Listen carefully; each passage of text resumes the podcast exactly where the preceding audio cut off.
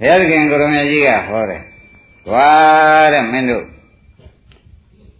အမတန်ရေးကြည့်တဲ့အချက်ဟာမင်းတို့မှနောက်ကလိုက်ပြီးဒီကလာနေပါရဲဆိုတဲ့ဥစ္စာကိုသူသတိပေးရှာတယ်ရေးကြည့်တဲ့အချက်ကဘာတုံးဆိုလို့ရှိရင်ဒီဘုန်းကြီးတို့မျိုးရေးရှိဘက်ကနေပြီးဒီကလာတောင်ကြီးတွေရှိကြတယ်အဲ့ဒီတောင်ကြီးတွေပေါ်မှာ ဘိုးတွေကသိထံကရာတော့မြစ်တောင်မဆံမှုတောင်တွေကျော်ပြီးဒီကလာဒီမျိုးတွေဒီရွာတွေရေသွမ်းမို့သွားမယ်ဆိုလို့ရှိရင်လည်းသွမ်းမို့နိုင်တာပဲသွမ်းမို့သွားလို့ရှိရင်ဖြင့်လေမရှိတက်မရှိဖောင်မရှိဒီလိုပုံကိုယ်တွေကဗျာမရာမြောက်ပြီးဒီကလာအေယာဝတီတဲ့ရောက်ပါလိမ့်မယ်အေယာဝတီကနေပြီးကလာသမုဒ္ဒရာရောက်သမုဒ္ဒရာရောက်ငားလိမ့်မကန်းတို့အစာဖြစ်ကြလိမ့်မယ်ဆိုတာလည်းအထင်ရှားပဲဖောင်မရှိလေမရှိနဲ့ဆိုကြရင်လေ ဘယ်လိုလို့ဆရာရှိသေးတုံးလို့မင်းနေလို့ရှိရင်ဖြင့်အင်းဖောင်မရှင်ပဲနဲ့မေ့နေတဲ့ပုဂ္ဂိုလ်အိတ်နေတဲ့ပုဂ္ဂိုလ်တွေအဖြစ်ဗျာမရာမျောလို့ငါးလိမ့်မကန်းတို့ဣစာဖြစ်တယ်လို့ဒီမှာလဲမရဏဆိုတဲ့ရေကြီးဟာဒကာဓမ္မတို့လာနေပြီလို့မှတ်ကြသမ်းပါမရဏဆိုတဲ့ရေကြီးဟာအလုံးကိုအသေးမျောမဲ့ရေကြီးဟာရှိမရှိစဉ်းစားကြည့်ပါ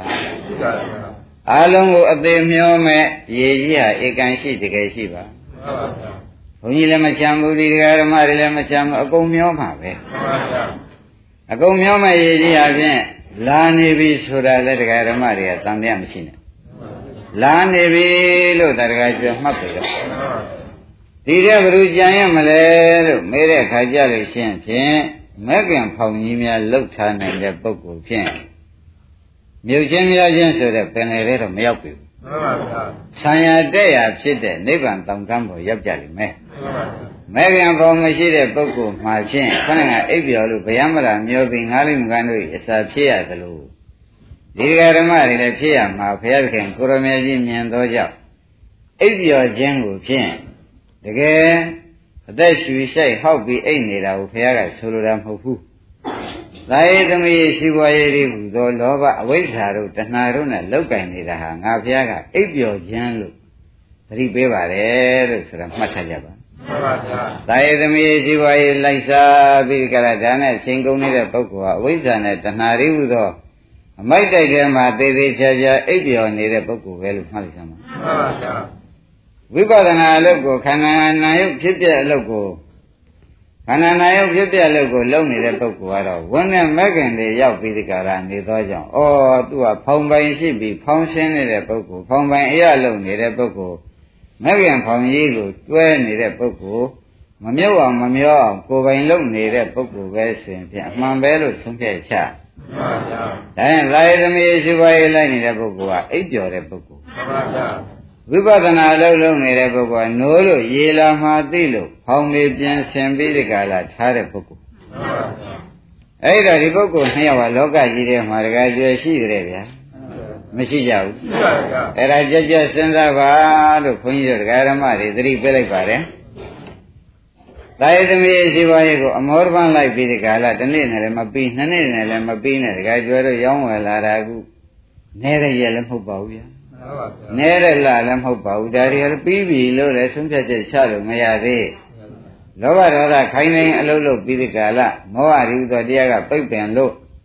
လောဘတို့ဒေါသတို့ခိုင်းတိုင်းမာနတို့ခိုင်းတိုင်းအလုပ်လုပ်ပြီးဒီကလာနေတာညာစကန်းဤစိတ်ရှင်းဖြစ်လေသောကြောင့်အိပ်ပျော်ခြင်းအလုပ်လို့ဘုရားကဟောလိုက်သဘောပါညာစကန်းအလုပ်မဟုတ်သောကြောင့်သူဘယ်နဲ့ဆိုကြပါမလဲ အိပ်ပျော်တဲ့ပုဂ္ဂိုလ်နဲ့အတူတူပဲလို့မှတ်စမ်းပါဝိပဿနာအလုပ်လုပ်နေတဲ့ပုဂ္ဂိုလ်ကတော့အဝိဇ္ဇာတဏှာတွေအိပ်ပျော်ခြင်းမှနိုးပြီးဒီကလာဝိဇ္ဇာအလောဘတွေအလုတ်ကိုလုံနေသောကြောင့်နိုးနေတဲ့ပုဂ္ဂိုလ်ဖောင်းရှင်းနေတဲ့ပုဂ္ဂိုလ်ကိုငါဖះကဟောလိုက်ပါတယ်လို့သေသေးချာချာပဲမိတ်ရှိ။ဩဒါဖြင့်လောကကြီးထဲမှာတခါကျေတခါတစ်တို့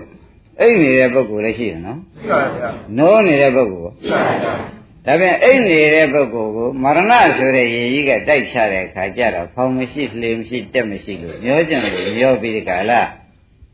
မြုပ်ချင်လို့မြုပ်လိမ့်မယ်ဆိုတာဖြင့်တန်တရားမရှိကြနဲ့အိပ်ပျော်နေတာဟုတ်အိပ်ပျော်နေတဲ့မရဏဆိုတဲ့ကြီးလာစွာသောရေကြီးကတကားအောင်တို့တိုက်ချလိုက်တော့သူ့ခိုးခွေးရရှိသေးရဲ့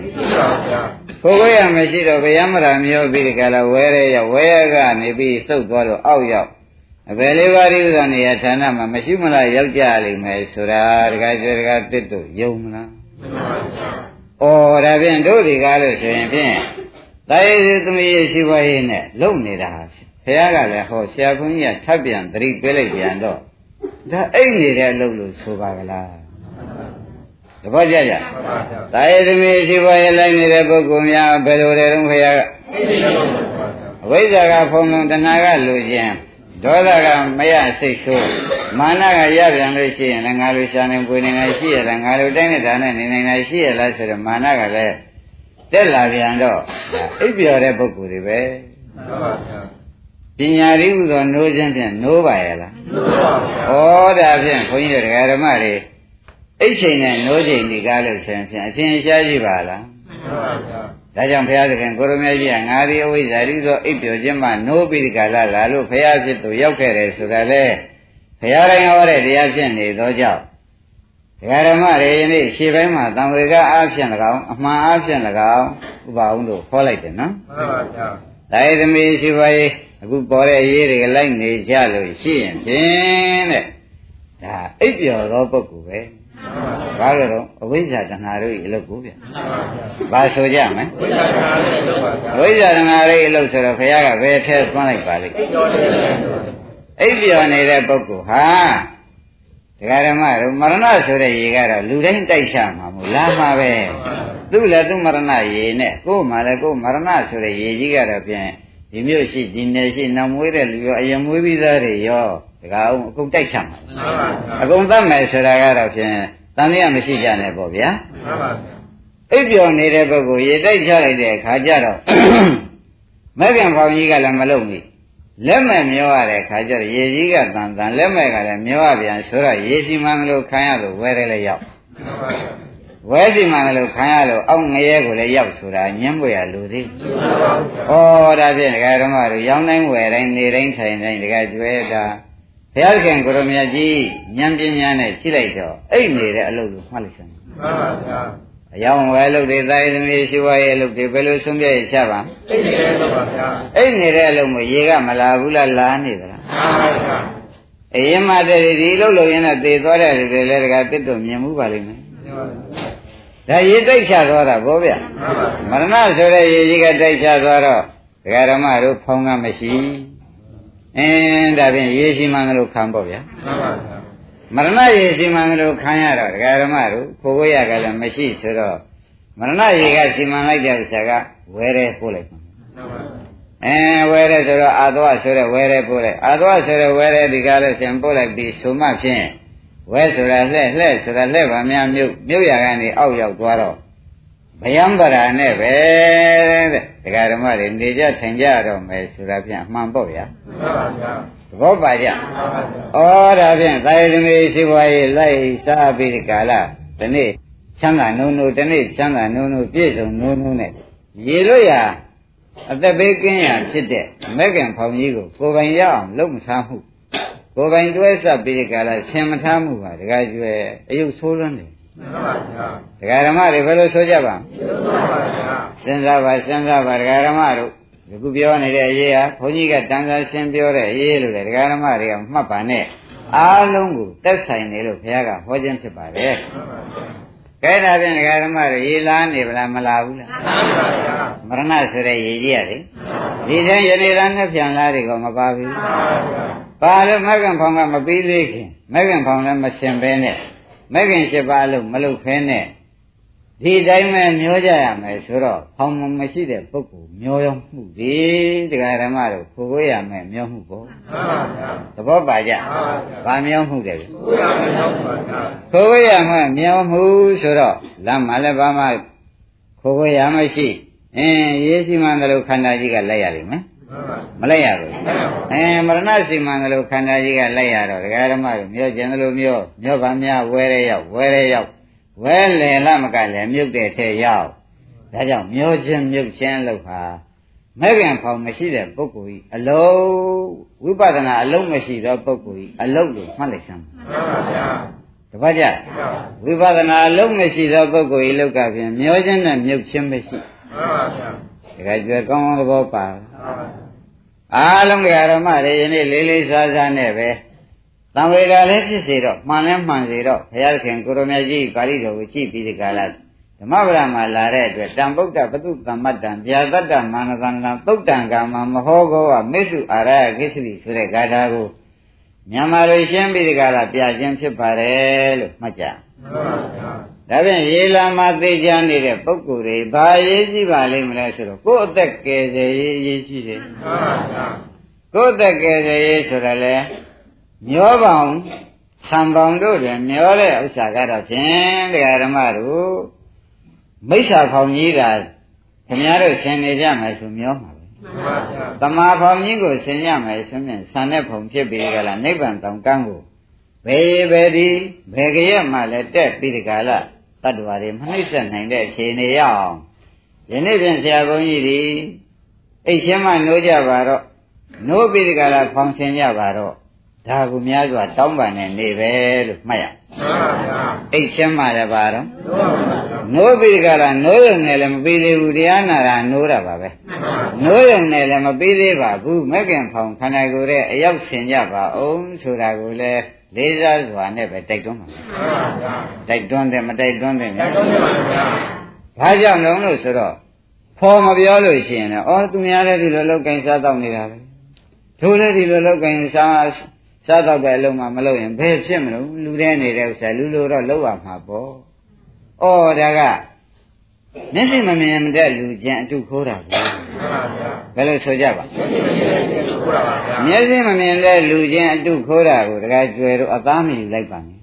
။အခုတုခိုးနေတဲ့အဓိပ္ပာယ်ရှင်းကြပါဗျာ။ဘယ်လိုများတုခိုးကြပါလဲ။အဲဟိုရင်လည်းရကန်းနဲ့လောက်ကင်စားဟိုရင်လည်းဈေးဆိုင်နဲ့ရောက်လောက်ကင်စားတော့တာလူဆိုတာဒီလိုပဲလောက်ကင်စားတော့နေတယ်အလုံးမရှိလို့ရှင်မခက်ဘူးလားအဲမခက်ပါဘူးလို့ခွန်ကြီးကဖြေတယ် ဟောင်းမရှိမှခက်ပါတယ်တပည့်ကြအလုံးမရှိလို့မခက်ပါဘူးတရားဓမ္မတို့ဟောင်းမရှိမှခက်ပါတယ်ဘာကြောင့်လဲဆိုတော့ရေလာနေတာပဲအလုံးမရှိဘာကိစ္စရှိတုံးဖောင်ရှိဖို့ဖောင်မရှိရင်သာခက်တာပေါ့အဲ့ဒါဖြင့်တခါကျွဲတော့ယနေ့ကစပြီးတခါလားကိုယ်ပိုင်ဖောင်ဆင်ကြပါတော့ဘယ်လိုများသတိပေးပါလိမ့်ကိုယ်ပိုင်ဖောင်ဆင်ပြီးဒီကလာကိုယ်ပိုင်စင်းနှင်းပြီးဒီကလာကိုယ်သာလည်းမရဏလွတ်ရာရှောင်ကြပါတော့ ဒါဖြင့်မရဏဆိုတာကသိခြင်းအမရဆိုတာကမသေးရမှန်ပြည်နိဗ္ဗာန်ဩဒါဖြင့်ဒီဒီလို့ဖို့ရရေးကဖြင့်မက်ကင်ဖောင်မတပတ်ပို့မဲ့လူဆောင်းမဲ့လူတို့မှကဲမဲ့လူယူမဲ့လူမရှိတော့ပါလားအဲ့ရကနိုးမတော်တော့မယ်ဆိုပြီးဒီကရမက်ကင်ဖောင်ဖြစ်ကိုဖြင့်ဒကာရမတို့လှုပ်ဖြစ်အောင်လုပ်ကြပါမှန်ပါဗျာသဘောပါကြ သမင်းညာရေးလို့ဘုန်းကြီးဒကာရမတွေဒီစကားကိုမယူလိုက်နဲ့နော်မှန်ပါဗျာဥပအောင်သမင်းညာလားဗျာမှန်ပါဗျာသမင်းညာလို့ဒကာရမတွေအခုပြောနေတဲ့စကားကိုနားမလဲလည်းမရှိပါနဲ့နားလဲအောင်လည်းပြောနေပါတယ်။အော်ဒီရေးဟာသာယသမီးရှိဘွားရဲ့လိုက်နေတဲ့ရေးဟာဝိဇ္ဇာတဏှာတို့၏အရေးဖြစ်လေသောကြောင့်ဒါအိပ်ပျော်နေတဲ့အလုပ်ပဲမှန်ပါဗျာဥပဒနာနဲ့ခန္ဓာ၅ပါးတစ်ပါးပါဖြစ်ဖြစ်ရှုပြီးဒီကလာ မဂ္ဂင်တွေဝန်ထဲရောက်နေတဲ့လောကတော့ပြန်မဂ္ဂင်ဖောင်ကြီးကိုမတရားဆန်းတဲ့ဖောင်ကြီးကိုကိုယ်ပိုင်လုပ်ပြီးဒီကလာကိုယ်ပိုင်အသေးရှောင်းနေတာရှောင်းဖို့ကိုအစင်သင့်ပြင်းနေတာဘာလားလို့ဆိုရင်မှန်တယ်ပဲဆုံးဖြတ်ချက်ချမှန်ပါဗျာဒါကြွယ်တာဖြင့်အရေးကြီးတာအရေးကြီးပေါ့ဗျာအရေးမကြီးတာဘုန်းကြီးတို့ဓမ္မတွေကချိတ်ပြီးဒီကလာထားလိုက်ပါအောင်ဆိုတာကိုသတိပေးလိုက်ပါတယ် ဒါရင်တာယသမီးရှိပါရဲ့ရောင်းဝယ်ဖောက်ကားရဲ့ဟူတွေ့သည်နိုးတာလားအိတ်တာလားဝိပဿနာလုံးလုံးနေတဲ့ပုဂ္ဂိုလ်ကနိုးပါဗျာဒါရင်နိုးနေတဲ့ပုဂ္ဂိုလ်ရေတိုက်မှန်နဲ့ဟုတ်လားဖောင်ရှင်နေတဲ့ပုဂ္ဂိုလ်ရေတိုက်လို့ရှိရင်ဖောင်ရှင်နေတဲ့ပုဂ္ဂိုလ်ကဖောင်ရှိလို့အန္တရာယ်ကင်းမနဲ့သာယသမီးရှိပါရဲ့ဟူသောအိပ်ပျော်ခြင်းနဲ့အိပ်ပျော်နေတဲ့ပုဂ္ဂိုလ်ကဖြင့်ဖောင်မရှိလို့လက်မဲ့မျိုး မျောရကနေဝဲရဲရောက်ရောက်ရကနေပြီးမြုပ်ဖို့သာရှိတော့တယ်ဆိုတာဒီရေးတဲ့ကြီးတာတော့ဖြင့်တကယ်ကြွယ်တကယ်တက်တကယ်အောင်လို့မရှိဘူးဒါဖြင့်ဒကာဓမ္မတို့မဂ္ဂင်ဖောင်ဆိုတော့လေပြောပြမဲ့လူရှိမှလဲကိုအန္တရာယ်ကင်းလို့ဘေးကင်းအောင်ကယ်ခြင်းမဲ့ဖောင်ဟာလုတ်တတ်တာဒီတိုင်းတို့မဂ္ဂင်ကြီးရပါလို့ဤမဂ္ဂင်ဖောင်ကြီးကိုရှင်းနေမိဒီကလာနိဗ္ဗာန်မျိုးကြီးကစံတဲ့ရပါလို့ဤဆိုရုံနဲ့လည်းရတာမဟုတ်ပါဘူး ကိုယ်တိုင်ဆင်ပြီးဒီကလာကိုယ်တိုင်သိပြီးဒီကလာလုံးမသာလင်တရားဓမ္မတို့ရမယ်လို့ဖြစ်နေသောကြောင့်အခုတရားဓမ္မတွေခွန်ကြီးများကသတိပေးကြတာကတရားဓမ္မတို့ခင်ဗျားတို့အယောင်းဝယ်ကောင်းတဲ့ခွန်ကြီးဖြင့်ကြမ်းမှချမ်းသာမှုတော့ဝမ်းသာပါရဲ့အေးကျူးတယ်လို့ထင်တာပဲမှန်ပါဗျာမဆိုရဘူးလားမှန်ပါဗျာအယောင်းဝယ်ဖြင်းမြန်နေပြန်တော့လေအေးဒါ ဆိုင်လေးပိတ်ပြီးဒီကရာဒီတိုင်းနေမယ်ဆိုလို့ရှိရင်လည်းနောက်လာမဲ့ဈေးကောင်းလေးကြလို့ရှိရင်လည်းဆိုင်မရှိမှန်းသိတယ်ဘယ်သူမှမိတ်ဆက်လာမှာမဟုတ်တော့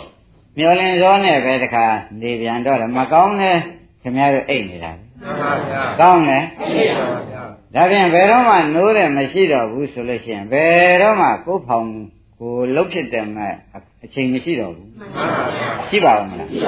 အဲ့ဒါတော့စိတ်နေရဖြစ်နေတော့ဒီနေ့တော့လေတကယ်ကျော်ဘာလုံးမှာတော့တကယ်တက်ဘာလုံးမှာတော့အိုးဖောင်မစင်နိုင်သေးဘူးဗျတာယသမီးရှိပါရဲ့ပဲလောက်အောင်အိပ်ရအောင်မဗျဒီနေ့တော့လေဘာလုံးမှာတော့ဆိုအိပ်ရအောင်မဗျနောက်ဒီနေ့ဘာလုံးမှာတော့မေးပြန်တော့လေဩရေတွေကခမရလည်းပဲရောက်နေပြီခမရကအိတ်သုံးရှိသေးတယ်ကိုယ်ပိုင်ဖောင်းလည်းမရှိသေးခမရသိခြင်းစိုးသိခြင်းလို့လားလို့ ဒီပြန်လည်းမေးစရာမရှိတော့ဘူးမှန်ပါဗျာဒါပဲမေးရတော့မယ်ဆိုတာသဘောပါမှန်ပါဗျာအဲ့ဒါကြောင့်ခွင်းတို့ဓမ္မတွေဟာ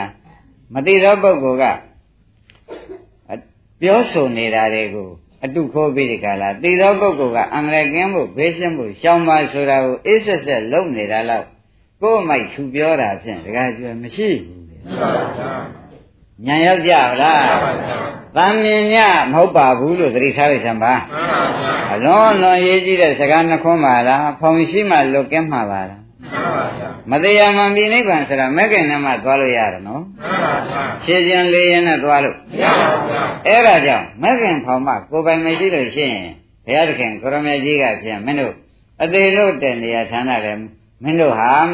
မရောက်နိုင်တော့ပါဘူးဗယံမရာမြို့ပြီဗယံမရာမင်းတို့ဒီနေချင်းစိုးနေချင်းစိုးလမ်းတာမင်းတို့ရောက်တော့မှာပဲဆိုတာမြင်တော်မူသောကြောင့်မဂ္ဂင်ဖောင်သည်ဖြင့်ရှင်ပြအောင်ရှင်ပါဆိုတာကိုဓမ္မဝရပါဠိတော်မှာတိုက်တွန်းတကယ်ကျွဲတကယ်မှာကရုဏာတော်ယင်ကြီးဖြစ်နေလို့ပြောတာနော်မှန်ပါဗျာဘုန်းကြီးများကလည်းဘုရားကြီးကရုဏာအတုလိုက်ပြီးဒီကလာတို့လည်းသိသလောက်နဲ့ဒုက္ခရုဏာလည်းတို့ကဲတင်မတော်ကိုဆိုပြီးဒီကလာ ခမည်းတော်အိတ်ပေမဲ့နေတိုင်းနှိုးပေးနေမှန်ပါဗျာခမည်းတော်ကတော့အိတ်တာပဲအင်းနှစ်ပြန်ပါလို့မှာတော့အယောင်းပဲတစ်ပတ်ပါလို့ပါလို့ပြောကြဆိုကြနဲ့ခဏကပါလို့မှာတော့ဆိုခဏကလည်းကိစ္စတွေကမပြင်းပြတ်တာတွေကရှိသေး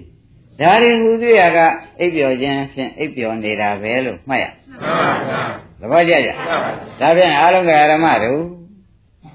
အိတ်တွေကို ရရှဲပြီးဒီကလာအနိုးပဲလှဲလိုက်ပါအောင်ဆိုတဲ့ဥစ္စာတိုက်တွန်းရပြန်တယ်မှန်ပါဗျာရှင်းမလားရှင်းပါဗျာကောင်းပြီဒါဖြင့်ဘုန်းကြီးတို့ဓမ္မတွေဒီတိုင်းနဲ့ပဲချိန်နာကုန်လို့ရှိရင်ဖြင့်ဩခမရတို့စုထားတဲ့ပစ္စည်းကလည်းခမရတို့မကယ်တဲ့ပြင်မှာပြိတ္တာဘုံကပဲသူကမျောတယ်သေသေးချမ်းမဲ့နဲ့ပြိတ္တာဖြစ်အောင်မျောချလိုက်အဲလောဘဒေါသတွေကလည်းငရဲရအောင်ပဲမျောချလိုက်မောဟဆိုတာလည်းတိရစ္ဆာန်ဘုံရအောင်မျောချလိုက် ဩဒါဖြင့်သူအိတ်နေခဲ့လို့ဒီဘုံဒီဌာနညှိုးရင်ရောက်ရတာကိုလို့မဆိုနိုင်ဘူးမှန်ပါဗျာဒါဖြင့်ဒကာရမတို့အိတ်ချိန်လားနိုးချိန်လားနိုးချိန်ပါဗျာနောင်ဝေလို့ဆရာသမားနဲ့လည်းမတွေ့တော့ပါဘူးဒကာကျွဲသာနာကြီးကလည်းမရှိတော့ပါဘူးရှိပြန်လဲအောက်တန်းတရားတွေသာရှိနေမယ်ဆိုလို့ရှိရင်လည်းဥပအောင်ခက်ပြီမခက်ပဲဘူးလားဒါကြောင့်ဘုန်းကြီးတွေဓမ္မတွေယခုချိန်ကစပြီးကြတာကကျွဲရှေ့ပိုင်းမှာနှိုးချိန် နှိုးပါတော့နှိုးပေးမဲ့လူလည်းရှိပါသေးတယ်မှန်ပါဗျာနောင်ကြတော့နှိုးပေးမဲ့လူကိုပဲတခါသိရှိလိမ့်မယ်လို့ဘယ်တော့မှမအောင်မင်းမှန်ပါဗျာဘာဖြစ်လို့လဲဆိုတော့ဟောဒီမေကမွေးလာတယ်ဒီမေတတ်တဲ့ပညာပဲရောင်းနေဝယ်နဲ့တောင်းသူဖြင့်တောင်းသူလေဓမ္မသားသမီးဖြင့်တောင်းသူလေဓမ္မလို့ကိုပဲသင်လို့တော့အဲ့ထက်သင်လို့အဲအယောင်းဝယ်ဓမ္မဖြင့်လည်းသူသားသမီးကိုအယောင်းဝယ်ပဲသင်လို့လိုက်ကြတော့အိတ်တာပဲသင်လို့တယ်နိုးတာပါရလားမှန်ပါဗျာ သူတို့ပါတဲ့နိုးတာလေးကလည်းမင်းပေါ်ရင်လူတာပေါ့ကွာအာရှိရတဲ့ရင်လာပြီလားကိုဥပုသ်ဆောင်တာပေါ့ကွာဒါလေးကလည်းမက္ကန်ဖောင်ထဲမှာသူကအရင်ဖြစ်တဲ့အရင်တွဲရမယ်ဖောင်မမဟုတ်ပဲနောက်မှသီလဆိုတာနောက်မှဝင်လာတာရှိဥစွာငါးလုံးတွဲပြီးမှရှစ်လုံးဖြစ်မှာဘူးအဲ့တော့ဒါလေးတော့ကလည်းတွဲလို့လည်းမဖြစ်သေးတော့ ဒီဟာလေးကလည်းခမည်းတော်ခိုလောက်အောင်စီးလောက်အောင်အန္တရာယ်ကင်းလောက်အောင်ကတကားကြွယ်တကယ်စင်စစ်မဖြစ်သေးဖြစ်ပါမဖြစ်သေးတော့လူသေးတဲ့ဖြစ်တွေကများမနေဘူးအေးဒါကြောင့်ဩနဖူးပေါ်လက်တင်ပြီးစဉ်းစားပါယနေ့တရားဩငါနဲ့ပြန်ပါလို့မှာတော့တစ်ဘက်ကငါဘာလို့မှာတော့ခဏကငါဘာလို့မှာတော့ကိုကိုကိုငခုပေါ်လက်တင်စဉ်းစားအော်ငါဒီကားလို့ရှင်ဘုရားသခင်ကိုရမေကြီး ညံသွားနဲ့ကြည့်လိုက်တဲ့အခါအဲ့တဲ့အလုပ်ကြီးငါလုပ်နေပါလားနိုးတာကိုမပါပါလားနိုးမှသာရင်ဖောင်ရှင်ဖြစ်တယ်မနိုးတဲ့ပုဂ္ဂိုလ်ဖောင်ရှင်ဖြစ်တယ်လို့ထုံးစံရှိပါရဲ့ရှိပါဘူးအဲ့ဒါကြောင့်အလုံးလုံးမယ်လို့ကြံလို့ရှိရင်ပဲအိတ်မှာအိတ်အိတ်တဲ့အလုပ်လားနိုးတဲ့အလုပ်လားဆိုတာကိုလည်းဝေဖန်ပြီးကြလားအိတ်ချိန်နဲ့နိုးချိန်လေးကိုဖြင့် ဖွဲကြဝေဖန်ပြီးကြလားသိကြပါဆိုတာတရားမဟုတ်မီရှေးဘုကာလမှာကိုယ့်ကိုယ်ကိုဝေဖန်နည်းကိုပြောလိုက်ပါတယ်မှန်ပါဗျာဝေဖန်တတ်ပလားမှန်ပါဗျာကဲဒါဖြင့်တာယတမေဒီဝါရဲ့လိုက်နေတဲ့အချိန်ကြတော့ဘာချိန်ဆိုကြမယ်သိပါပါဗျာအင်းခန္ဓာကိုယ်ဉာဏ်နဲ့ဒီဥပဒနာရှုနေတဲ့အချိန်ကြတော့ဆိုကြပါဗျာဟောအဲ့ချိန်လဲဒကာဓမ္မတို့ ရေလာနေတာပဲမှန်ပါဗျာနိုးချိန်ရေလာတဲ့ပုဂ္ဂိုလ်နဲ့အိတ်ချိန်ရေလာတဲ့ပုဂ္ဂိုလ်နဲ့အန္တရာယ်ကင်းမှုကအတော့ကွာပါလိမ့်မှန်ပါဗျာဒါကနိုးနေတဲ့ပုဂ္ဂိုလ်ကလည်းဖောင်းပါရှင်ပြီးကြတာပြီးပြီးသားဖြစ်နေနေမယ်ဆိုရင်တော့ပြင်ကျန်တဲ့ပုဂ္ဂိုလ်တွေကမ္မတကာပဲနိုးလို့ဖောင်းရှင်တဲ့ပုဂ္ဂိုလ်သာလည်းလူရေးကျွရေးချမ်းသာရေးသူ့မှာသာကိုယ်ပိုင်ရတော့တယ် မဆုံးနိုင်ဘူးလားအဲ့ဒါကြောင့်ခင်ဗျားတို့အိတ်လာတဲ့ရက်ပေါင်းဘယ်လောက်ရှိသလဲလို့မေးလို့ရှိရင်ကလေးဒုငယ်လူမဲကလည်းအိတ်လာခဲ့တယ်ပညာသင်တော့ကလည်းအိမ်တော်ကြီးသားလို့ဒီတော်ကြပြန်တယ်အိမ်တော်သားကြပြီးဒီကလာတခါကိုကိုကိုအိမ်နဲ့နေကြမြန်တော့ခိုင်းဒါပြန်အိတ်တဲ့ချိန်ကများပြီးနိုးတဲ့ချိန်ကနေတော့နိုးတဲ့ချိန်မြန်မြန်ဆင်လိုက်ရင်လည်းဒီဖောင်ဖြစ်ပါသေးတယ်အလုံးဝမဆင်တော့ပါဘူးဆိုရင်ဖြင့် ဘယ်လိုပရိတ်တွေရွတ်ပြီးကြလားဘယ်လိုအမျှဝေညာတော့လဲညောချက်မြုပ်ချက်ကတန်လုံးလို့သာရုခေါ်ခြင်းမပေါ်နိုင်ဘူးပေါ်နိုင်မအဲ့ဒါတွေညာနဲ့လက်ကြည့်မှာဩငါနဲ့ဒီလိုဆရာကောင်းသမားကောင်းနေတာမတွေ့တော့ဘူးဆိုလို့ရှိရင်ဖြင့်ငါတော့ကိုကျိုးနေတာဖြင့်မရှိတော့ဘူးဆိုလိုက်ဘူးလားအခုဒုချိန်နဲ့အဲ့ချိန်တရားဓမ္မတွေကွဲကြပါဘူးဒါရင်ဒါဖြင့်ဒုချိန်မှာတရားဓမ္မတွေဘာလုပ်ရမလဲ ဝိပဿနာရည်သောမဂ္ဂင်ဖောင်ကြီးရှင်းရမယ်ဝိပဿနာမဂ္ဂင်ဖောင်ကြီးရှင်းမှသာလင်တဲ့ဒကာဓမ္မတို့လောကုတ္တရာမဂ္ဂင်ဖောင်အစ်စ်ဖြစ်လာမယ်မဟုတ်လားကောင်းပြီဒါဖြင့်ဒကာဓမ္မတို့ဖောင်ဆင်းတဲ့ဤကိုပဲနိုးတဲ့ပုဂ္ဂိုလ်တွေလည်းဖြစ်ပါပြီနိုးပေမဲ့လည်းဖောင်ကိုပဲလို့ဆင်းရမှမသိလို့ရှိရင်ဖြင့်နိုးနိုးနဲ့မျောရလို့ရှိရင်လည်းဒါနနိုးတိလာနိုးလောက်နေတော့မျောမှာပဲ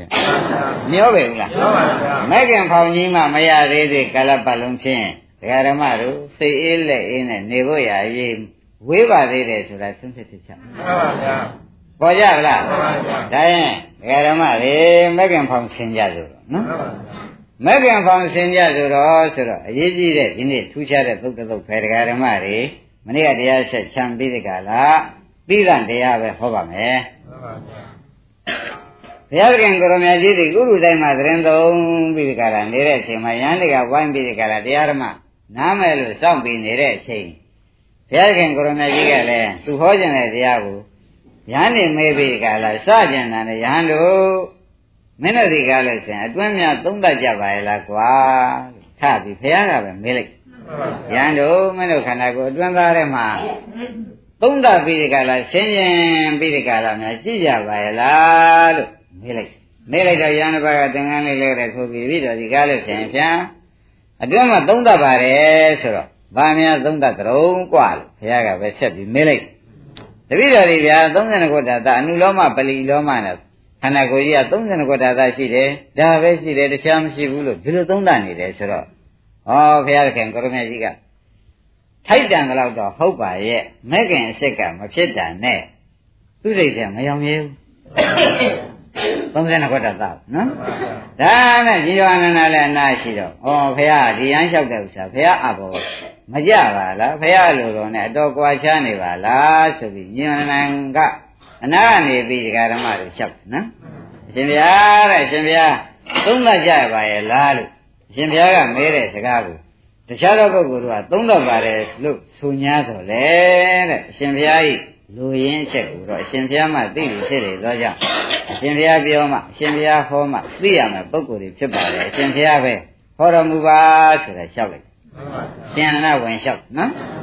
ဒါရင်ဒကာဓမ္မတို့ခမည်းတော်ချက်တို့အတွင်းသုံးသပ်ရမယ်အရေးကိုဘုရားခင်ကိုရမကြီးကတိုင်းနေတာပြမယ်တော့သေချာနာထောင်ရဘယ်လိုသုံးသပ်ရမယ်ဆိုတော့ငါသေချာရှင်းပြီးဒီကလာပြမယ်ဆိုတော့မဂ္ဂံဖောင်ရှင်းခိုင်းတာပါပဲ။တိုင်းတာနဲ့ မဲ့ခင်ပေါမစင်မီမင်းတို့ဒီကားလို့ဆိုလို့ရှိရင်ကွာတဲ့အတွင်းသုံးသက်ကြည့်စမ်းပါဦးတဲ့မင်းတို့ခန္ဓာကိုယ်ထဲမှာဇရာမရဏရှိတယ်ကွာမရှိဘူးလားရှိပါဗျာဒကာဓမ္မတို့ခန္ဓာကိုယ်ထဲပါရှိပါလားဇရာမရဏရှိပါဗျာဩဒကာဓမ္မဒီနေ့ဖြတ်ကြည့်တာလေဇရာလက်ချက်ပေါ့ဗျာမှန်ပါဗျာအဲဒီနေ့ဖြတ်သေးကံဒီသေရုပ်ပေါ်လာတာဟုတ် အဲဒီရလက်ချက်ပဲနောက်ကြတာလောင်းကြီးစင်းလင်းကြီးမြင်ရတာမရဏလက်ချက်ဩဒါကလူတိုင်းမှာဒီနှစ်ခုရှိမရှိရှိပါဗျာအဲ့ဒီဇေယမရဏဆိုတာမင်းတို့ခန္ဓာကိုယ်ထဲမှာရှိနေတယ်အဲ့ဒါကိုသုံးသပ်စမ်းပါကွာတပတ်ကြဩဒုက္ခန္ဓာကိုယ်ထဲဇေယမရဏရှိနေတယ်ဒုက္ခန္ဓာကိုယ်ထဲဇေယမရဏရှိနေတယ်လို့သုံးသပ်ကြစမ်းတို့အန္တရာယ်ကင်းလို့ပေးရှင်းတဲ့အထက်တို့မပါသေးပါလားဟာ ဇေယနဲ့မှဇေယမရဏလက်ချက်နဲ့ဝိညာဉ်သက်ထွက်ရမယ်ဆိုတာကလည်းသိချာနေပါဘောလားဟာလေတွေးလိုက်ချမ်းပါတပည့်ကြဒကာဓမ္မတို့ဝနေခန္ဓာကိုယ်ရဲ့ပါများရှိနေပါလိမ့်ဇေယမရဏရှိနေတယ်ဆိုတာသိကြအောင်တနေ့ချအိုးလာတယ်ဆရာကြီးလက်ချက်တွေပေါ့ဗျာအဲနောက်ကြတော့အိုးရကနေပြီးမရှိတော့ဘူးတဲ့သုတ်တံပို့ရရပါတဲ့ဆိုတော့ဗရဏလက်ချက်ပေါ့ဗျာ ဒါသူများကလာပြီးတတ်လို့ဖြတ်လို့လားသူများကအိုအောင်လုပ်လို့လားလို့ဆိုတော့မဟုတ်ခန္ဓာရဲ့ရှိတဲ့တရားနှစ်ခုကတတ္တိပြတာလို့သာမှတ်ကြပါသဘောကျဒါဖြင့်ခန္ဓာရဲ့ဘာရှိပါလိမ့်ဇေယမရဏရှိတယ်ဆိုတော့သိကြကြအဲ့ဒီလိုခန္ဓာရဲ့ဇေယမရဏရှိတယ်လို့တင့်နံပါတ်3တက်လိုက်စမ်းပါပြီးတော့မှဒုတိယဥပအောင်3တက်ရအောင်မယ်နော် ဩဒီဇရာမရဏတွေဒီကားလို့ဆိုလို့ရှိရင်ဘယ်ကံများလာလို့ဒီဇရာမရဏတွေတို့ကြုံရဆုံရပါလိမ့်မလဲလို့ဆိုတော့ချက်3သက်စမ်းပါဒီဇရာမရဏတွေအတို့ဘယ်ဘ ᱹ ရှိလို့ဒီဇရာမရဏတွေပေါ်ပေါက်ပြီးဒီကလာလာပါလိမ့်မလဲလို့ဆိုတဲ့ဥစ္စာဒကာဓမ္မတွေချက်3သက်ရမယ်မှန်ပါဗျာ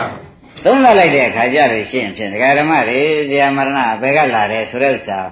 ငါပြရင်ကိုမြည်ကြီးရှင်းပြမယ်တဲ့မင်းတို့သေချာမှတ်ကြဆိုတော့တရားမရဏဟာဟေးတဲ့ခန္ဓာတွေကထွက်လာတာဟုတ်ခန္ဓာ၅ပါးကလာတာတဲ့ဒကာဓမ္မတို့ခန္ဓာကိုယ်ရဲ့တရားမရဏရှိတယ်နော်အင်းဒီတရားမရဏဘယ်ကလာပါလိမ့်မလဲခန္ဓာ၅ပါးရှိလို့ဥသေးရှိတာဘူးခန္ဓာ၅ပါးမရှိတဲ့ပုဂ္ဂိုလ်ဘု ရားရှိပါဗျာရှင်းပါလားရှင်းပါဟောဒါဖြင့်ဇာမရဏဒီဘုရုကြောင့်ဖြစ်ပါလိမ့်ဟောခန္ဓာ၅ပါးကြောင့်ဖြစ်တယ်ဒကာရမတို့ဒါဖြင့်စဉ်းစားကြည့်ပါလားဒကာရမတို့ဇာမရဏသိတာကလည်းမက်ခင်ပဲဇာမရဏဖြစ်ကြောင်းဆိုတဲ့ခန္ဓာ၅ပါးသိတာကလည်းမက်ခင်ပဲနင်မက်ခင်ဝန်တဲ့ရောက်ရောက်လား မရောက်ဘူးလားအဲဇာမရဏသိတာလေမက်ခင်မဇာမရဏဒုက္ခသစ္စာဘုရားဒုက္ခသစ္စာသိတာကမက္ခသစ္စာဇာမရဏဖြစ်ကြောင်းခန္ဓာ၅ပါးလို့သိလိုက်တာလေထိုးထွန်းသိဖြစ်လေဒါကြောင့်မက်ခင်ပဲမက်ခင်ပြင်တာဖောင်ခန္ဓာကိုယ်ထဲမှာရှင်းနေတဲ့ပုဂ္ဂိုလ်ပေါ့ဗျာဩဒီလိုသိပြန်တော့လေတကယ်ကြောတကယ်သိတော့မက်ခင်ဝန်တဲ့ရောက် ဒါစင်ကျင်တဲ့ပုဂ္ဂိုလ်မို့မခင်ရတာနိုးနေတဲ့ပုဂ္ဂိုလ်မို့မခင်ရတာမနိုးတဲ့ပုဂ္ဂိုလ်ကြတာဒီဇာမရဏဘယ်ကလာတော့တွေးလည်းမတွေးပါဘူးအဲဒီခန္ဓာကလာတယ်လို့သိကောသိရလားမသိပါဘူးမသိတော့တာရဲ့သမီးရှိခွာရတာရေးကြည့်နေတော့ဒီတွေးလုံးနေမလာတဲ့အတွက်ဒါအိပ်ပျော်နေတာအိပ်ပျော်နေမှရေကတော့တိုက်မှာပဲသဘောကျကဲဒါဖြင့်ဒကာရမတွေ ခန္ဓာရဲ့ဇာမရဏရှိတယ်ဆိုတာအမှန်သင်ရှားပါတယ်အဲ့ဒီဇာမရဏကအလိုလိုလာတာလားလို့မေးတဲ့ခါကျတော့ဘယ်ကလာပါလိမ့်ဩခန္ဓာ၅ပါးရှိလို့ခန္ဓာ၅ပါးပြီးတော့ဇာတိရှိလို့ဇာမရဏလာတာပေါ့သဘောပါကြခန္ဓာ၅ပါးပြီးတော့ဇာတိခန္ဓာ၅ပါးရှိလို့ဇာမရဏဆိုတာကြီးကပေါ်ပေါက်ပြီးလာခဲ့ရဩဒါဖြင့်တို့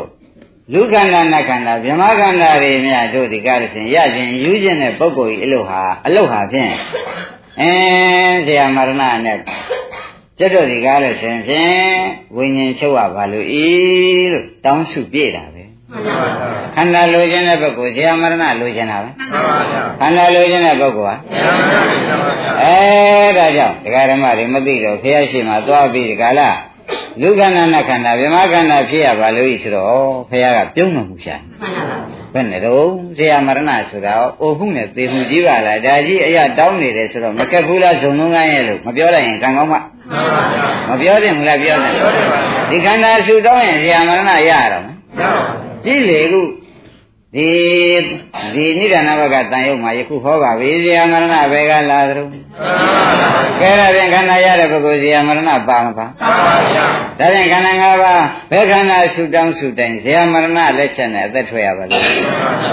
ဒါဆူတောင်းလိုက်တာဘယ်ခန္ဓာဆူတောင်းဆူတောင်းပဲနဲ့ဆိုကြမတကကြွယ်ဘုရားရှိခိုးကိုယ့်အသက်ကိုတတ်မဲ့လူကိုဆူတောင်းယူလို့တော့မတော်ဘူး စဉ်းစားပါစဉ်းစားပါဒကာရမတို့ဒါသဘောပါလားကိုယ်တတ်မဲ့လူကိုဖြင့်ဝေဝေးရှောင်တဲ့စုတောင်းရင်ဘုန်းကြီးများကျင့်တတ်ပါခရလည်းကျင့်တတ်ရှာအခုတော့ကိုယ်တတ်မဲ့လူပဲကြုံရပါလို့ဤခြုံရပါလို့ဤဆိုတော့ကမ်းလွန်းတယ်ယူလွန်းတယ်လို့ဆိုလိုက်မဆိုလိုက်ညံနဲ့စဉ်းစားကြပါညံနဲ့စဉ်းစားကြပါဒကာရမတို့မှန်မှန်လည်းတွေးကြပါသိကြဘူးလားသိပါပါဘုရားဩဒါဖြင့် ယူတဲ့ကမ်းတယ်လို့ဆိုတာတခါသိဘုရားတော်မူကအဲဘုဒ္ဓဇနောဥမ္မာတကောလို့ဘုဒ္ဓဇနောဘုဒ္ဓဇန်ပုဂ္ဂိုလ်ဒီဥမ္မာတကောအယူနဲ့တူကြီးအန္တဘုဒ္ဓဇနောကကမ်းတဲ့ဘုဒ္ဓဇင်ကွာအဲဥမ္မာတကဘုဒ္ဓဇင်ကွာအင်းဘုရားကဆိုလိုက်တာတို့ဆိုရလေရန်လို့ဆိုကြတာလုံးပုံကိုကဆိုတာကနေသေးသလားဆိုတာကနေသေးတယ်ဆိုတာဓမ္မတွေဆုံးဖြတ်ချက်ချပါကိုကိုယ်တိုင်ကြည့်တာဆရာမရဏလည်းအခုရှိရနဲ့နော် ဘုရားရှင်မှာတောင်းနေတဲ့ခန္ဓာကြီးထဲမှာဆရာမရဏရှိရနဲ့နောက်ဘဝလူဖြစ်ပြမှာလူချမ်းသာနဲ့ချမ်းသာဒီသာတိမင်းနဲ့မခေါ်ပဲနဲ့ဖြစ်ရပါလို့ဤဆိုတဲ့အလုတ်တစ်ခုဟာဒကာဓမ္မတို့အဲအခုအသေးမလုပ်ခင်သေမဲ့တတ်မဲ့ပုဂ္ဂိုလ်တွေကလည်းအခုဇာမရဏရှိပြီးသားမှာနောက်ဇရာမရဏရိဟုသောသေမဲ့သေအောင်တတ်မဲ့ပုဂ္ဂိုလ်တွေနဲ့တပည့်တော်ဖြင့်ဘယ်ခါကလမှာအချိန်များစွာမလွတ်ရပါလို့ဤဒီလိုဆူတောင်းချိုက် ကမ်းလိုက်တဲ့ဖြစ်ချင်းလို့ဆိုရင်ကနာကြရရှိရလားယူလိုက်တဲ့ဖြစ်ချင်းဆိုရင်နာကြရရှိရလားဒါတရားကြီးလေပြီခင်ဗျားတို့ကသစ္စာဉာဏ်တွေရလာလို့ဩဇာမရဏခန္ဓာ၅ပါးကလာတာခန္ဓာ၅ပါးကိုဘယ်ခန္ဓာဖြစ်ခြင်းဖြစ်ခြင်း ဇာမရဏလက်ချက်နဲ့သက်ထွက်ရပါလို့ဆူတောင်းတာပဲသစ္စာသိလာတဲ့တတ္တိဒါကြောင့်သစ္စာသိရင်ဖြင့်သံဃာပြတ်ပါပေါ့ကွာဆိုတော့ခန္ဓာဆူတောင်းမှလားခင်ဗျားတို့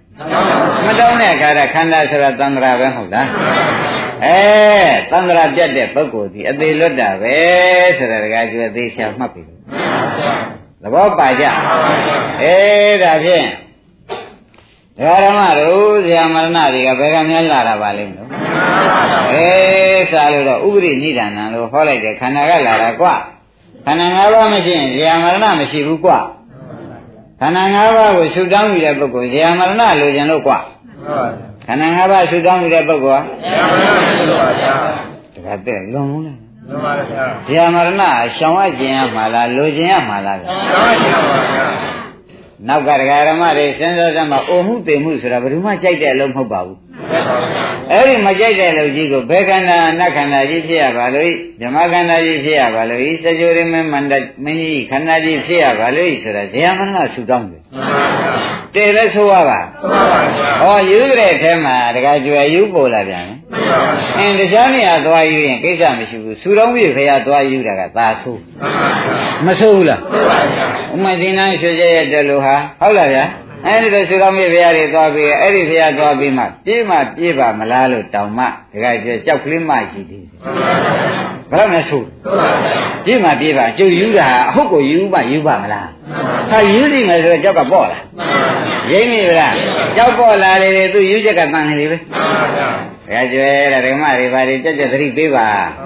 ခင်ဗျားလည်းရှိဥစွာခေါင်းဆောင်လို့မမနေအောင်ကြောက်ကို ရိပ်ပြီဗလားအမလေးတချို့တခါတွေကနေလည်းမှငါလည်းမှရှိသေးမရှိပဲဘူးလားအဲ့ဒါလေးကြောင့်ဒကာဓမ္မတို့ခန္ဓာရရင်ဇာမရဏရမယ်ဒါကြောင့်ဘုရားတွေးစမ်းပါကွာဇာမရဏဘယ်ကလာသတုံးဆိုတာတွေးစမ်းပါဆိုတော့ခန္ဓာ၅ပါးကလာတာဒီလိုတွေးလိုက်တော့တဲ့မလဲဘူးလားဒါဖြင့်ခန္ဓာ၅ပါးကိုဘယ်ခန္ဓာဖြစ်ခြင်းနာညာခန္ဓာဖြစ်ခြင်းဆိုတဲ့ဆူတောင်းမှုအလုပ်ဟူသေးဒီကားလည်းဖြင့်အသေးဆူတောင်းတာနဲ့အိုးဆူတောင်းတာပြေးမှပြေးပါမလားလို့တန်တရားရှိမနေနဲ့ခန္ဓာတောင်းပြေးပြီးသားမှာသဘောကျခန္ဓာတောင်းရင်ပြေးပါဗျာကြဲကျွတ်တော့နောက်တုန်းကအခုတောင်မှအယူမပြောက်လို့ဒီခန္ဓာကြီးကလွယ်ထမ်းပြီးဒီကာလနေကြရသေးလားလွယ်ထမ်းရမှတန်တယ်နောက်ခန္ဓာအသေးကြီးအသေးတွေကြီးကိုလွယ်ရပါလေထိုင်းရပါလို့ဤဆိုတော့ သေသေသေးချာချာတကတစ်တို့နှစ်ထပ်ယူဖြင့်မှန်ပါဗျာနှစ်ထပ်ယူမကြဘူးဘုခန္ဓာကြီးရဲ့လွယ်ရမှုဆန်းရမှုဒကာဓမ္မတို့သိတဲ့အတိုင်းတဲ့ဝတ်ကျွတ်ပလားသိပါဗျာထိုင်ရမှတ်တဲ့နဲ့လေးမှမသိတာနဲ့နောက်ခန္ဓာရှင်းထမ်းပြကြည့်အောင်မှန်ပါဗျာဩရဏရဩရဏရသိရတဲ့ခန္ဓာကြီးကိုနောက်ထပ်ကျုံရတွေ့ရပါလို့ဤဆိုတော့လက်ရှိခန္ဓာမသိတာကတခါယူမှန်ပါဗျာသုတောင်းပြီးမရအရယူခြင်းကတခါယူမှန်ပါဗျာ လက်ရှိခန္ဓာမမြင်တာကအဝိဇ္ဇာယူရှေ့သုတောင်းတာကတဏှာယူလက်ရှိခန္ဓာကိုဇာတိဇရာမရဏမမြင်မဲနဲ့နေတာကမသိတဲ့အဝိဇ္ဇာကြောင့်ဒုက္ခေအညာဏဆိုတဲ့အဝိဇ္ဇာယူတပည့်ကြနောက်ခန္ဓာတွေသုတောင်းယူလိုက်တာကတဏှာဘောဘဝတဏှာဖြစ်လေသောကြောင့်တဏှာယူတပည့်ကြဒါပြန်အဝိဇ္ဇာယူနဲ့တဏှာယူဒီကားလို့ဆိုလို့ရှိရင်ဖြင့်သစ္စာမသိတဲ့ပုဂ္ဂိုလ်ဤဖြစ်ထွေနှစ်ခုမှန်ပါဗျာ သဘောပါကြတယ်လည်းကြောက်เสียကောင်းပါလား မှန်ပါကောင်းပါ ဒကာဓမ္မတို့လက်ရှိခန္ဓာမသိတာဘာယူတယ် ဝိဇ္ဇာရှိပါဗျာ အင်းထပ်ပြီးဆူတောက်ပြီးတာက ပသာရှိပါဗျာ ဂိုင်းဒါဖြင့်ဒကာဓမ္မတို့အဝိဇ္ဇာယူနဲ့တဏှာယူသည်ဖះရှိမသွားနဲ့ မှန်ပါဗျာ ဖះဆက်စုပ်တော်မူတဲ့ မှန်ပါဗျာဥပအောင်ကနဲ့ဆို ဘုရားရှင်တော်ပါဗျာ အဲဆက်စုပ်တော်မူတာကိုခင်ဗျားတို့ကလည်းမသိတော့တပည့်တော်တို့ဤတာဤသမီးဤမင်းဤမင်းနဲ့ ရောက်ရဘဝမှာဖြင့်ကျုံရထုံရတွေ့ရပါလို့ဤဆိုတော့ခန္ဓာသွားဆူတောင်းတယ်ခန္ဓာသွားစုတော်တော့ဘုရားရှိမှ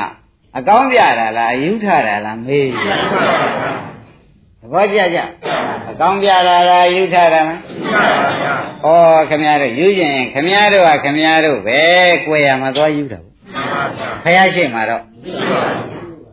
သဘောကျဒါပြန်ဒကာဓမ္မတို့ဩသူကယူလဲယူသေးတယ်ဘုရားလောင်ငိုင်းနဲ့လည်းသွားနေသေးတယ်အယူမျိုးကြတော့ခမရတို့ဩယူရတယ်ထင်ကွာအခုသူကကြီးလိုက်တယ်ဘုရားလောင်ငိုင်းနဲ့သွားပြီးနေပြန်ပြီဆိုတော့ခင်ဗျားတို့မကဲ့ရဘူးငါကယူလို့သူကဲ့ရတယ်အနည်းမတတ်လို့ဘုရားလိုင်ကောင်းနဲ့သွားနေပြန်တော့လေအော်ယူတာတဲ့ပုံပြီးယူချတယ်ခင်ဗျားတို့တော့ဗျာဒီတဲ့လက်ရှိခန္ဓာကြီးလည်းမမြင်တာကတခါယူ သွန်တော်ဘကုန်းတော်ဘဲနဲ့ဘုရားရှိသွားပြီကလားနောက်ခန္ဓာတွေဆူတောင်းတာကလည်းတခါယူဆိုတော့ခொနဲ့ငါယူနဲ့ဘာထူးသေးဒါဖြင့်တခါကျွေကျင်ကြအောင်ဆိုစင်ကြအောင်ဆိုဆိုတဲ့အဓိပ္ပာယ်တခါတည်းတခါအောင်ပြောလိုက်မပြောလိုက်ဒါဒီလိုဆရာအောင်သမားကောင်းမှတဲ့မပြောလို့ရှိရင်ခင်ဗျားတို့ဒီသစ္စာသိတဲ့ထဲပါပါဦးမပါရင်သံဃာရှိရှာကြတော့မယ် မပါရင်သံဃာရှိတော့မယ်ဆိုတာဖြင့်ညင်းစရာမလိုတော့ပါဘူးအခုတောင်မှခင်ဗျားတို့အဝိဇ္ဇာကမသိတော့တဏှာကနေလည်းညွှန်းညွှန်တော့တရားပွဲခင်ဗျားကပြန်တဲ့အချိန်ကျတော့ဥပအောင်လို့လမ်းကုန်မှားမှားသေးလားအဲအဝိဇ္ဇာကလည်းအဲဒီချိန်ဖြင့်ဒီချိန်ဒီကားလို့ဆိုလို့ရှိရင်ဖြင့်မောင်တယ်လမ်းလမ်းပတ်မှလည်းနေရာမကျဘူးဆိုပြီးဝိဇ္ဇာကလည်းပြောလိုက်တဏှာကလည်းခင်ခင်ခင်ရမရကိုပဲလည်းညွှန်ညွှန်ပြလို့ ကိုယ့်ရင်ကိုယ့်ရကိုယ်တတ်ကိုမရှိရကိုပဲရောက်သွားကြတော့ဒီတိုင်းမှမနေရဘူးသဘောပါအင်းသူတို့ဤတိုက်တွန်းကြအတော်ဆိုးပါဘေးကင်းရာကိုညွှန်ပြကြလားပူဇော်ရှိတဲ့စီကိုညွှန်ပြတယ်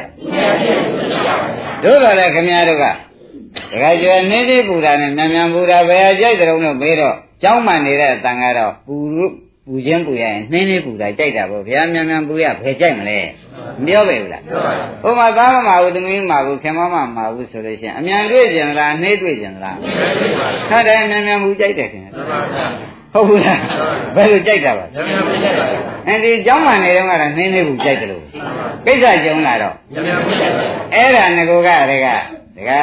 ဒကမတွေသိကြတယ်တိုင်းတဲ့အပူဆိုတာဝဲကရှောင်ရတာကိုအမြန်တွေးပြရစီနမရင်ဒီတဲ့ ခက်ကြီးရဲ့ဆိုတော့တော့ဆိုးမနေဘူးလားကဲသဘောပါကြခိုင်းတာဖြင့်ဒကာရမတို့ခန္ဓာဖြင့်သုမတောင်းကောင်းမှုဆိုတာသဘောကျခန္ဓာသုတောင်းရင်ဥသေးကိုသုတောင်းတာ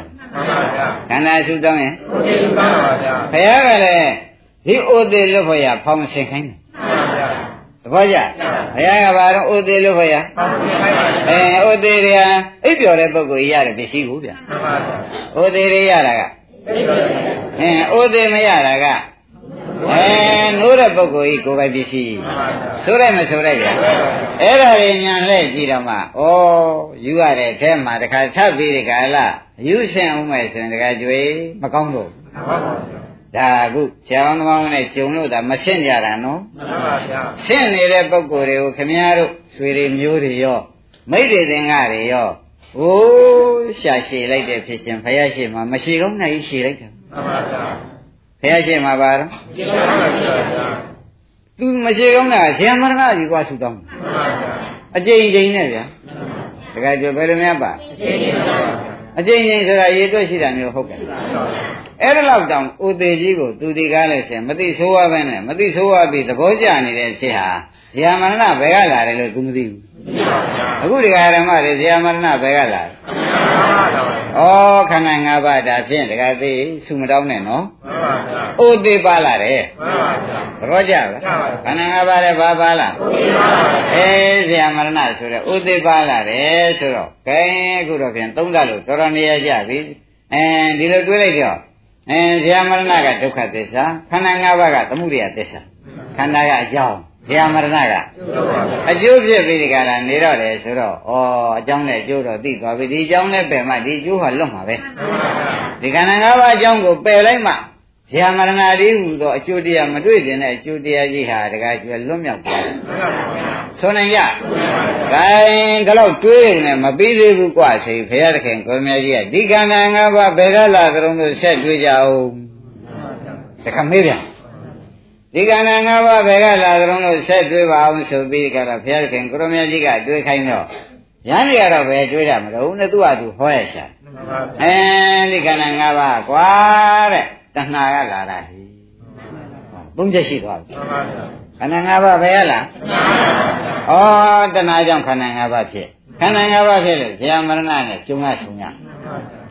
ကောင်းကြတယ်ရဲ့အင်းဒါဖြင့်တရားဓမ္မတို့ တဏှာရလာတာဒီခန္ဓာပဲဆိုတော့ဒါကြောင့်ခန္ဓာရတဲ့ပုဂ္ဂိုလ်ကြီးတဏှာရကြီးမှန်သဘောကျခန္ဓာရတာဟူသည်တဏှာကကြီးပဲဆိုတာသိကြကြဩဒါဖြင့်တရားဓမ္မတို့ဘုရားခင်ကိုရမကြီးကပฏิလောမဆိုတဲ့နောက်ဆုတ်ပြန်ပြီးကြလားစဉ်းစားတဲ့တွေးလုံးဟာကျွတ်တို့တွေးကြပါလို့ကိုရမကြီးကိုယ်တိုင်တိုက်တွန်းတာကဲကျွတ်တို့တွေးကြအောင်ဆိုပြန်ပြီးဘုရားတွေးတဲ့အတိုင်းပေါ့ဗျာ တရားဓမ္မတို့ခန္ဓာကိုယ်ရဲ့ဇာမရဏဘယ်ကလာပါလိမ့်မလို့ဩခန္ဓာ၅ပါးရှိလို့ပေါ်လာကြတယ်ခန္ဓာ၅ပါးအကြောင်းဇာမရဏအကျိုးစဉ်းစားပါအောင်ကကြွယ်ကသေးတကအောင်တို့ကဩဒီခန္ဓာ၅ပါးလည်းမိုးပေါ်ကြများလားအကြောင်းများရှိလေရောလားလို့တွေးပါဦးအကြောင်းရှိကြတဲ့ဒကာဓမ္မတွေဘုရုကြောင့်ပါလိမ့်ဩတဏှာကနေပြီးဒီကလာလုတ်တဲ့သဘောပါလား ဒါကြောင့်ခင်ဗျားတို့ဘုရားရှိခိုးဘဝပဋ္ဌနာဆိုတဲ့ပဋ္ဌနာစုတွေတောင်းတာပဋ္ဌနာအဓိတဏှာပဲရိပ်မိဗလားပဋ္ဌနာဆိုတာဘာပါလိမ့်အဲပဋ္ဌနာဆိုတာတဏှာပဲတဏှာကြောင့်ဘာဖြစ်ရလဲခန္ဓာ၅ပါးရှိလို့ဘာဖြစ်ရဥဒိနဲ့ကျုံရဆုံရတယ်ဆိုတော့တကယ်ကျွဲ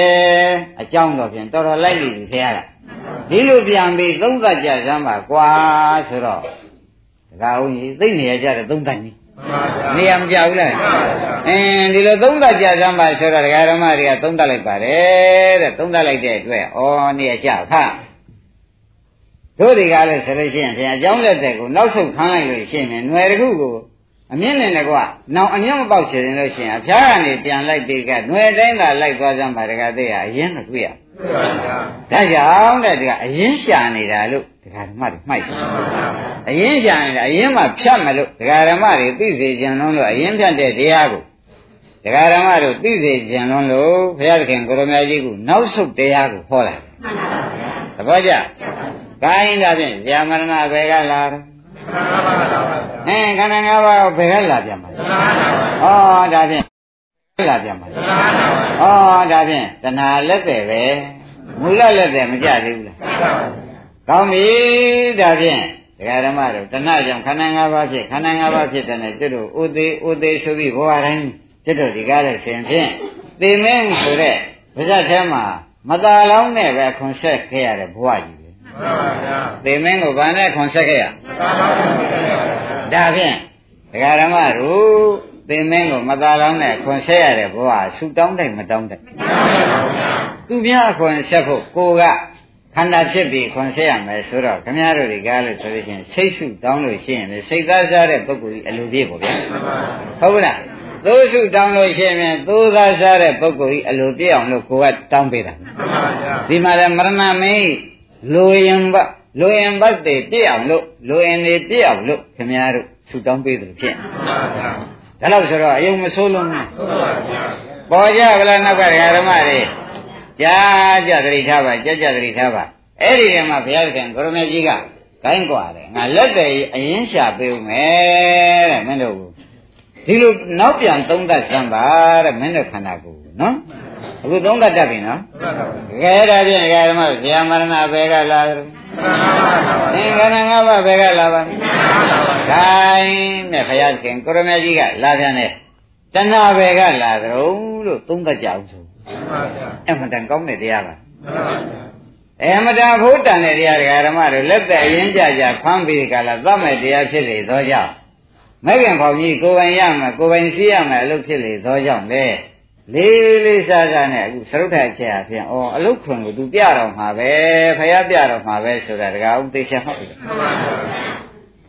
ကိုင်းဓမ္မတို့ဒီတနာဘက်ကလာသရုံလို့မေးဖို့လိုလားဟုတ်ပါဗျာ။ခင်များတို့ဤ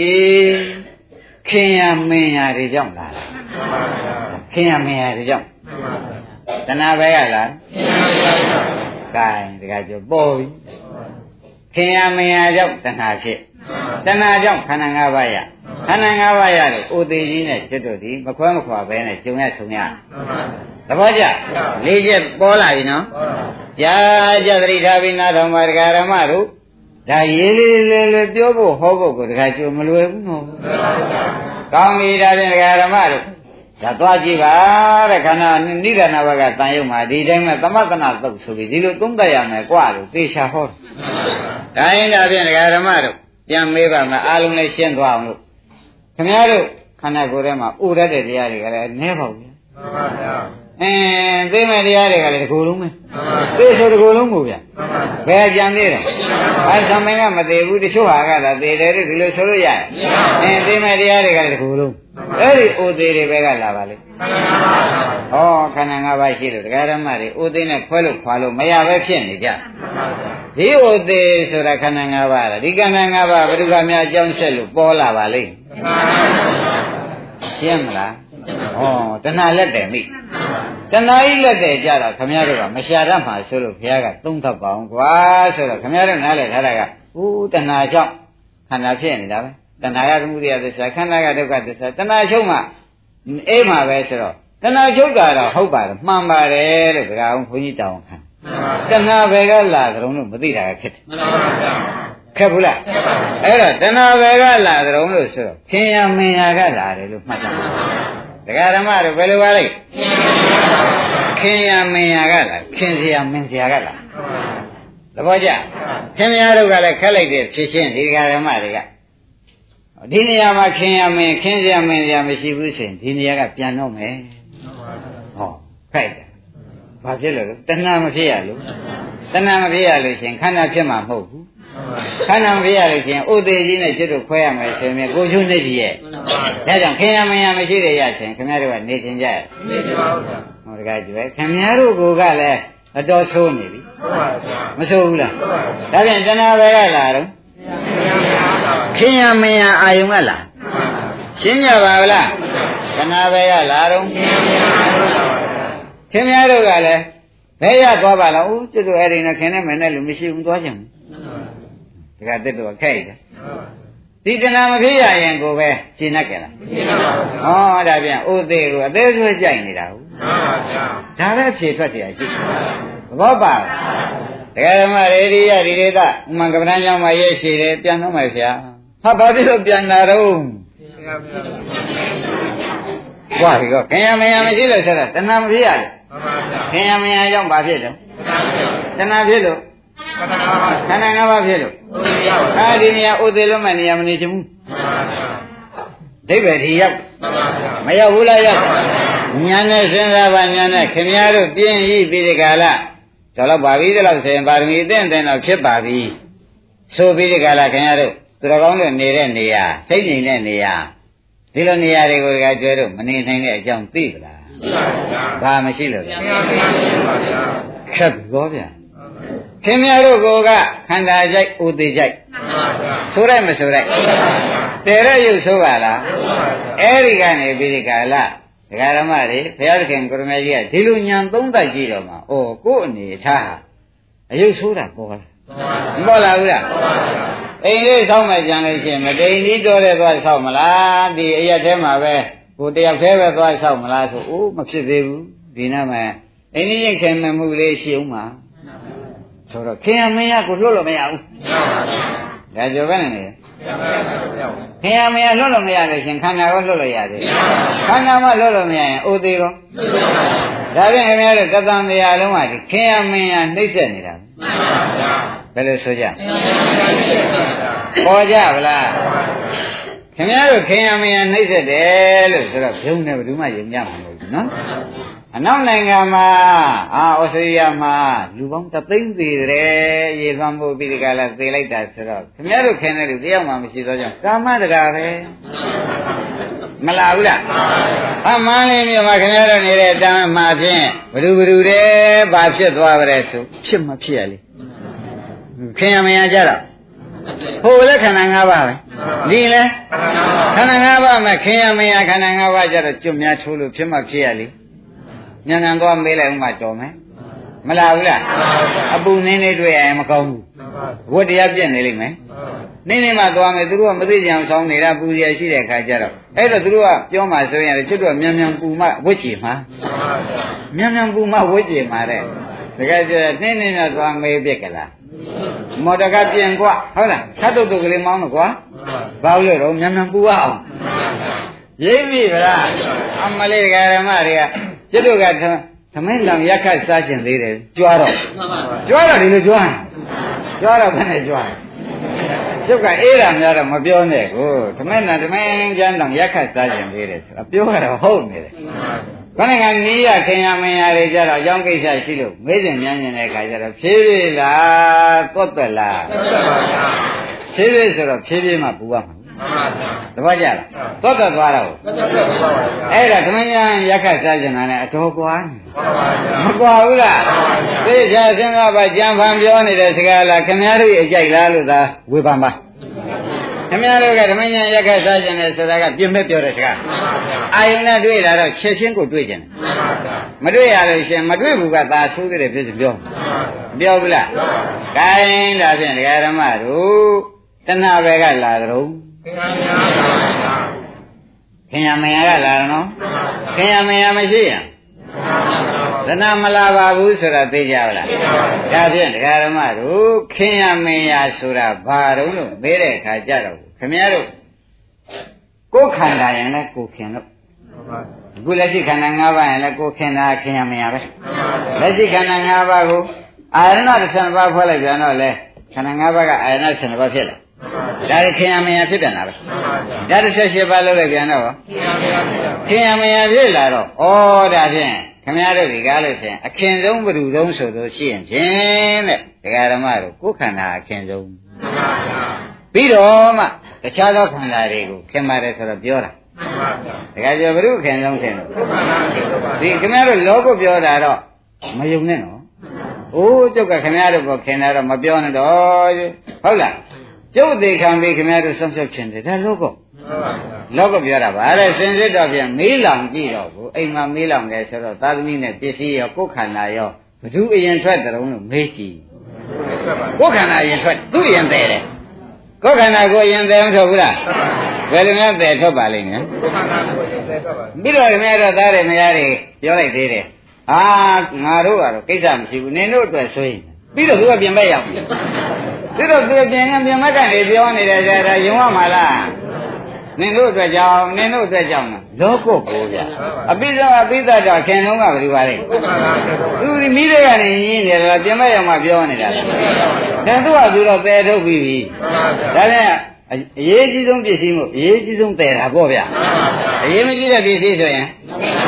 နောက်မှတည်မှာပေါ့ဆိုတော့ကိုယ်ခန္ဓာအရေးကြီးဆုံးမို့ကိုယ်ခန္ဓာရင်တည်ထုတ်တယ်ဒါကြွနောက်မလိန်နဲ့နော်မလိန်နဲ့မင်းတို့ကမင်းတို့အတွက်ခဲနေတာငါတော့နေတာကြီးနေတာမှပြင်မဲ့ရောက်နေပါတော့ရိပ်ပြီဗလားရှင်းမလားဒါပြန်တရားဓမ္မတို့ဒီခန္ဓာကလာတယ်ဆိုတာပေါ်ရောပေါ့မပေါ်သေးဘူးလား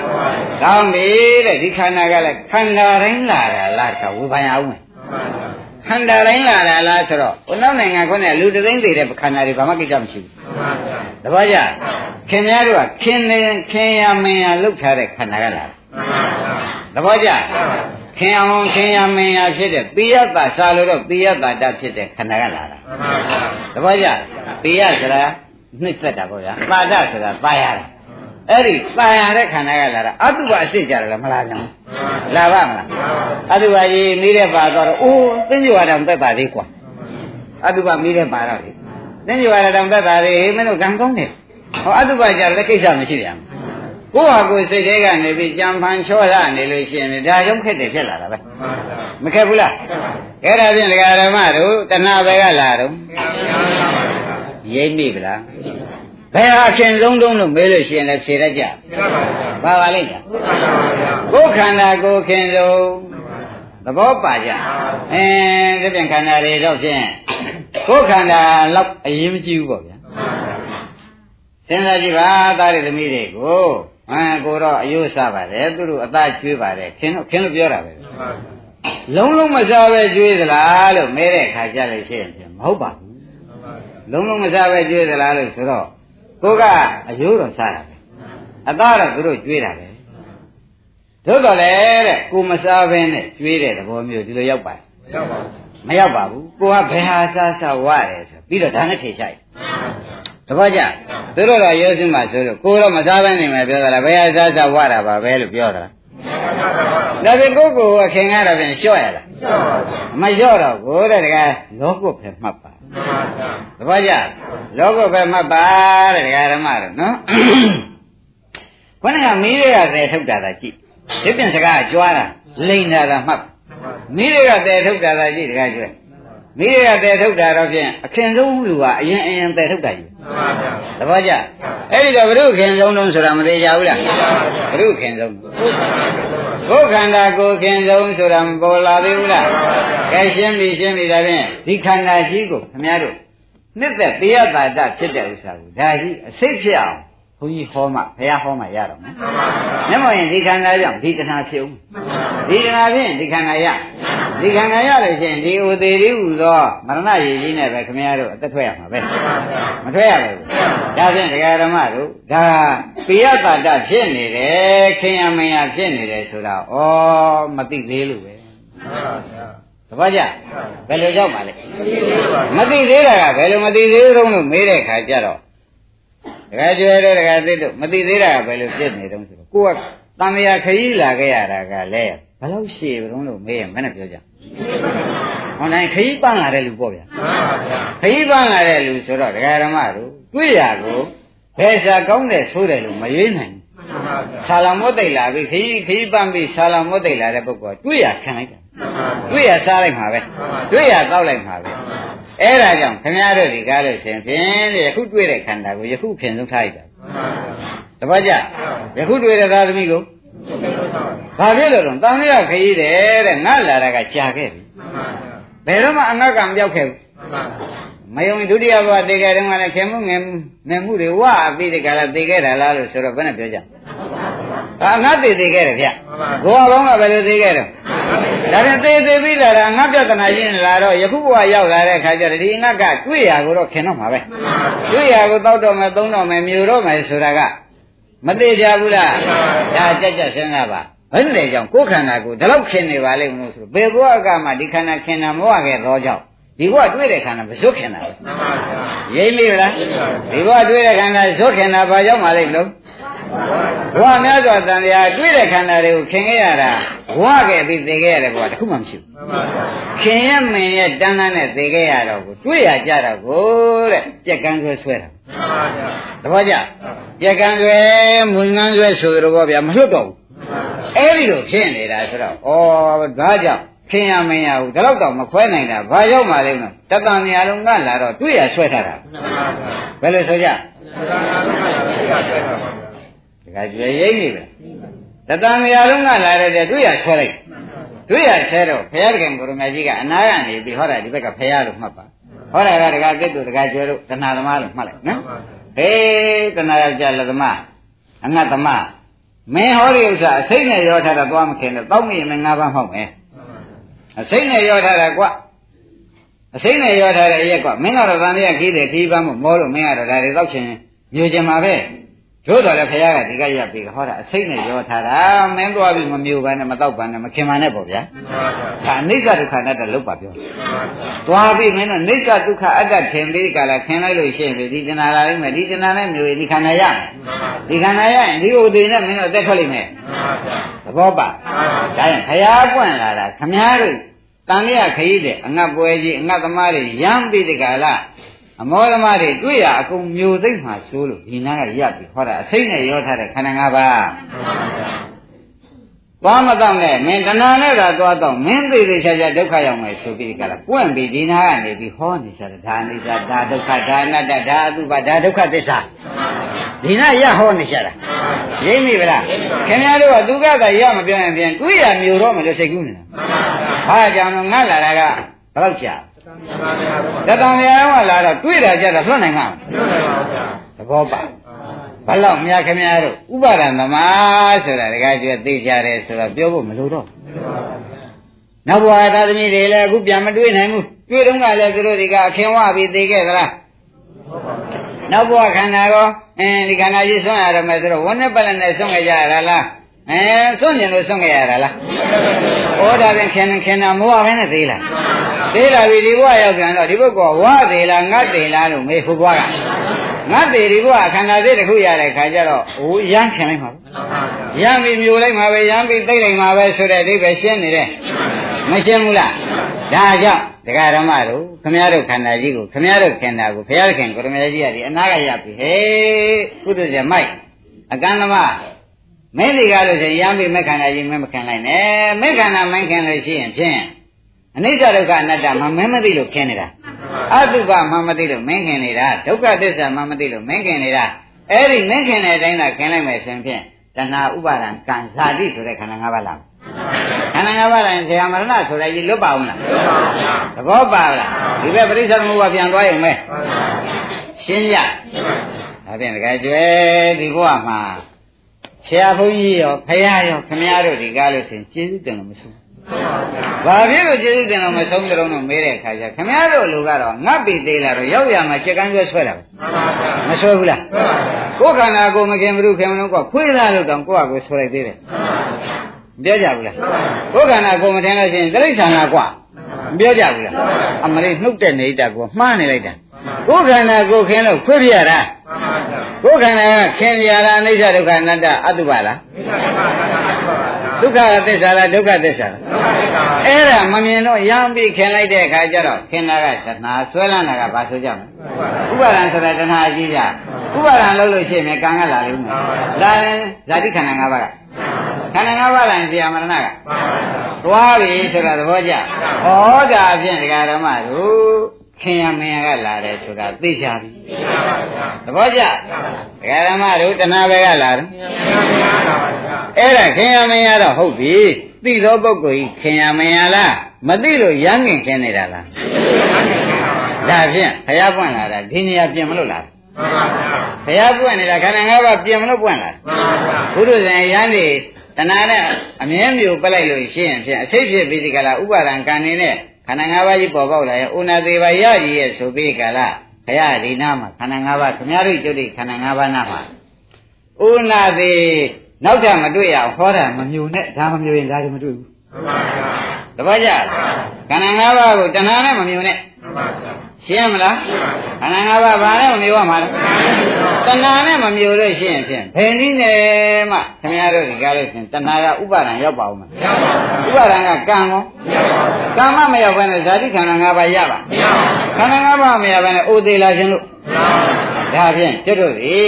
ဒကာဓမ္မတို့ ဘယ်ဟာပြင်းရမှာလဲတဏှာပြင်းရမှာလားခင်ရမင်းရကိုခင်ရမင်းရမဟုတ်ကြောင်းကိုရှင်းပြမှာလားခင်ရမင်းရမဟုတ်ကြောင်းရှင်းပြဖို့ရာကဘုရားကြီးတောင်းဆရာသမားများကြီးတောင်းသဘောကျခင်ရမင်းရမဟုတ်ကြောင်းရှင်းပြရမှာဘုရားကြီးတောင်းနော်သဘောကျကဲတခါကျဲဒါဖြင့်ဒီဥစ္စာခန္ဓာ၅ပါးတစ်ပါးပါးကိုကျွတ်တို့ဒီဝိပဿနာမရှိရင်တော့မရတော့ဘူး မှန်ပါဗျာဝိပဿနာရှုလိုက်တော့ခင်စရာလားအနိစ္စလားအနိစ္စပါဗျာအနိစ္စဆိုတော့အနိစ္စကိုသိတယ်ညောင်ဝင်လား တဏှာလာရဲ့ခင်ရမယမဟုတ်တော့ညောင်ဝင်ခင်ရမယလုတ်လိုက်တော့တဏှာဝင်သဘောကျအဝိဇ္ဇာနဲ့တဏှာမဝင်ဘူးလားခင်ရမရဖြစ်သွားတာကတော့အဝိဇ္ဇာနဲ့တဏှာကြောင့်ခင်ရမရမဟုတ်ပါဘူးဒီဥစ္စာဝိပဿနာနည်းကိုသင်ပေးလိုက်မယ်ဆိုလို့ရှိရင်ဝိဇ္ဇာနဲ့အာလောဘဝင်လာမဝင်လာဘူးလားဝိဇ္ဇာနဲ့အာလောဘဝင်လာလို့ရှိရင်ဒီဘက်ကအကုန်မပြတ်ဘူးအဲတဏှာလည်းပြဥပါဒံနော်ကံနော်ခန္ဓာ၅ပါးရာယာမရဏ